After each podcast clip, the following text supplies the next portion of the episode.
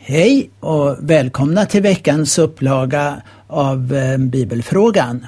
Och jag som ska svara på frågor idag är Hans Gille. Den första är någon som har sänt in här och eh, som hade läst för ett tag sedan, det är inte så länge sedan men det kan väl vara ett par veckor sedan, och skriver så här. I dagens nummer av Metro står det att det kan underlätta för oss att på jobbet låta operera in ett chip i pannan eller på handen. Då tänker jag på att det står om märket i Bibeln att man inte kan köpa och sälja. Var i Bibeln står det om märket? Vad för slags märke är det? Är det de här chippen? Ska kristna låta operera in dem? Borde man varna för detta? Vad handlar allt detta om? Det är så mycket i världen som känns så främmande och konstigt idag. Man kan undra vart vi är på väg. Vad säger ni om det? Tackar. Tacksam radiolyssnare.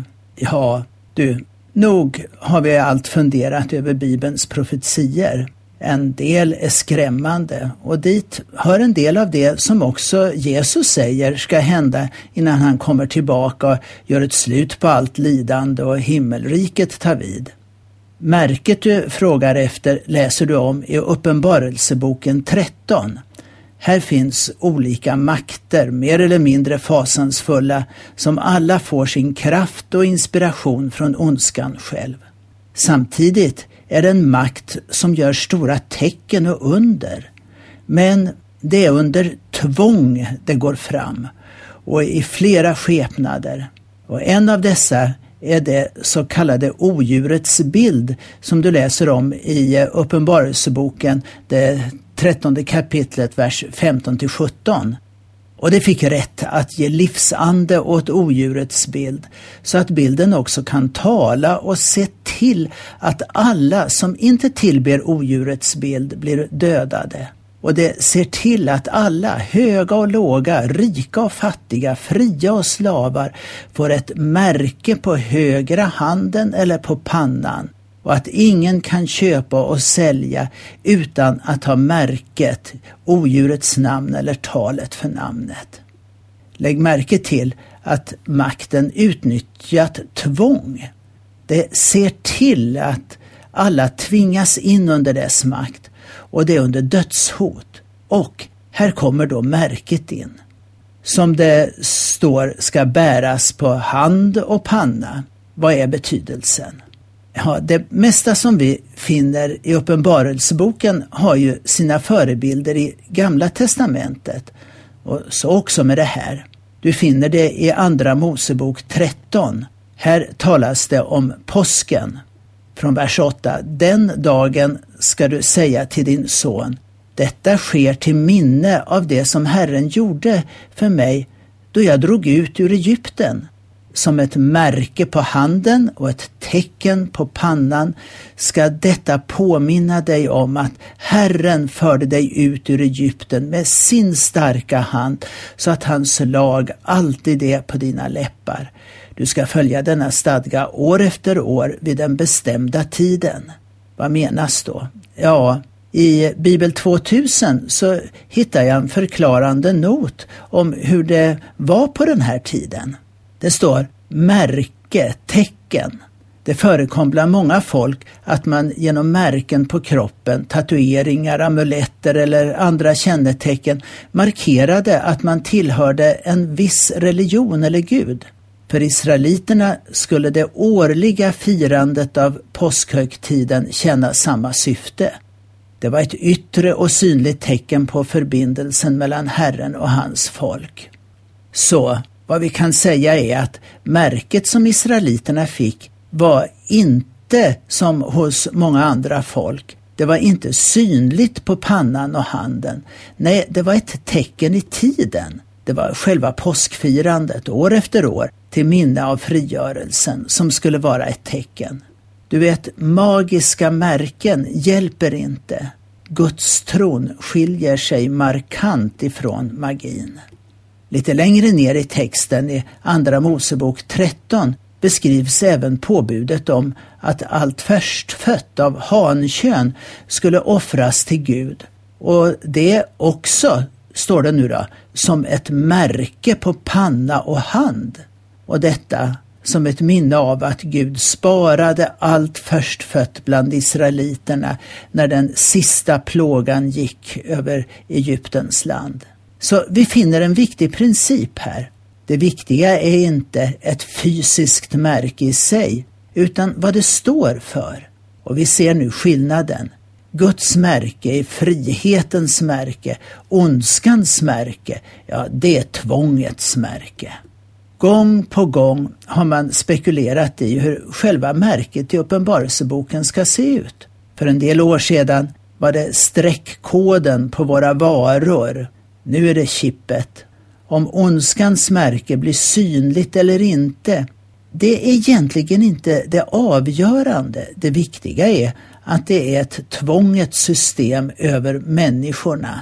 Vi kan jämföra till exempel med debatten om hur mycket av vad vi gör som ska registreras och lagras av myndigheterna.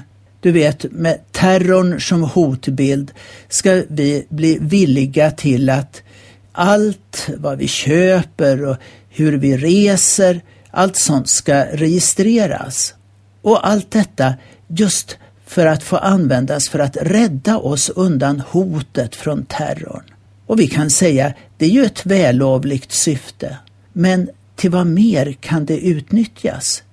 Tekniken i sig är egentligen inte problemet, men vad den används till. I fel händer kan kartläggning av våra liv bli ren åsiktsregistrering och leda till katastrofala följder. Om chippet sitter på mitt bankkort som jag håller i min hand eller om det sitter inopererat under huden kanske inte gör så stor skillnad. Men den dag all vår fantastiska teknik missbrukas mot oss individer så blir det ju till någonting helt annat. Och jag tänker, Hitler behövde inte något chip för att utrota miljontals människor. Men hade han haft tillgång till vår teknik idag så hade det varit ett utsökt medel att använda för hans syften just då. Idag så använder vi ganska snart sanktioner mot andra länder i form av handelsbojkotter och svartlistning av vissa företag. Att inte få köpa och sälja är ett sätt att tvinga någon att rätta sig efter vissa mönster. Tänk om det här systemet skulle användas på delar av den egna befolkningen. Måste det vara en totalitär stat bakom detta? Eller kan skräcken för ett stort hot få även demokratiska länder att acceptera det vi tills nu har sett som statligt övervåld av individen om vi skulle använda det. Ja, jag är rädd för att Uppenbarelsebokens scenarium kan komma över vår värld nog så snart.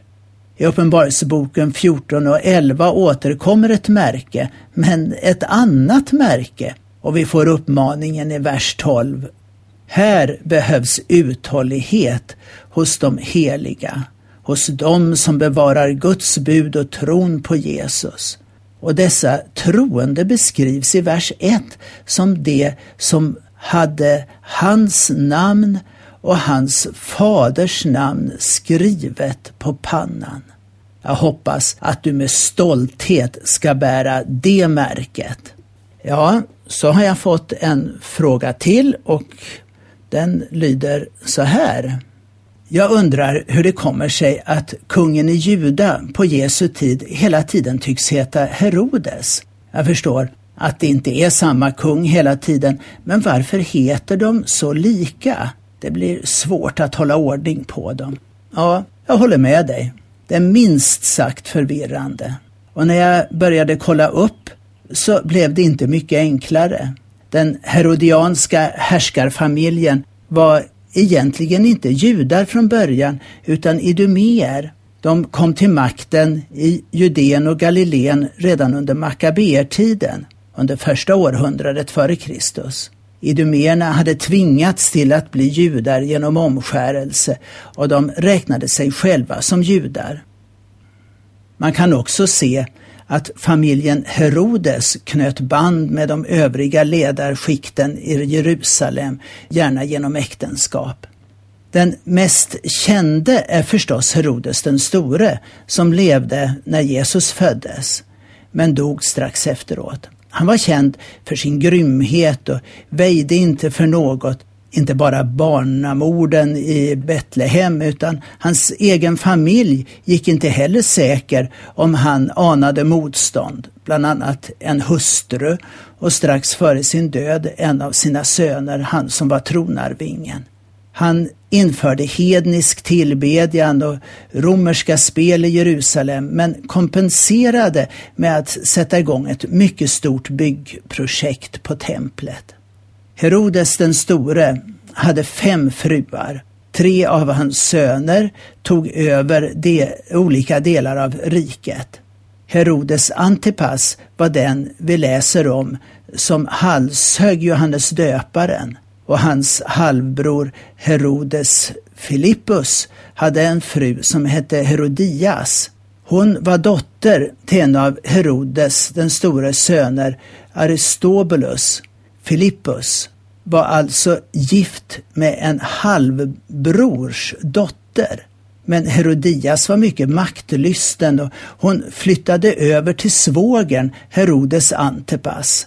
Det är alltså den Herodes som Jesus också kallar för den räven och som Jesus förhörs av innan han avrättas. Men hans nya fru Herodias får honom att åka till Rom för att begära att få en kungatitel. För hans bror hade just fått en sån. Men det blev tvärtom och han avsattes och blev med sin fru landsförvisade. För att krångla till det hela lite till så fanns det två bröder med samma namn, Herodes Filippus. Och namn som kung Agrippa, det fanns far och son med också här samma namn. Och de var också en del av Herodes-släkten. Det var säkerligen krångligt redan på den tiden. Och vi kan konstatera att makt och pengar tenderar till att korrumpera. Att följa Guds moraliska råd och bud är fortfarande det säkraste. Och som sagt, den här frågan var lite krånglig och hur mycket du förstod av det vet jag inte. Men det gör nu inte så mycket kanske. Ja, det var den sista frågan vi hade den här gången. Och som vanligt så kan du naturligtvis eh, ringa in en fråga till, på Radio Adventkyrkan. Du ringer på 031 711 11 99 och så kan du prata in en eh, fråga där. Och sen så har vi naturligtvis gudstjänster varje lördag klockan 11.30. Och du är hjärtligt välkommen hit. Och då går du till eh, Norra Allégatan 6 nära Järntorget. Välkommen! Och jag, jag heter Hans Gille och du har hört ett program från Radio Adventkyrkan.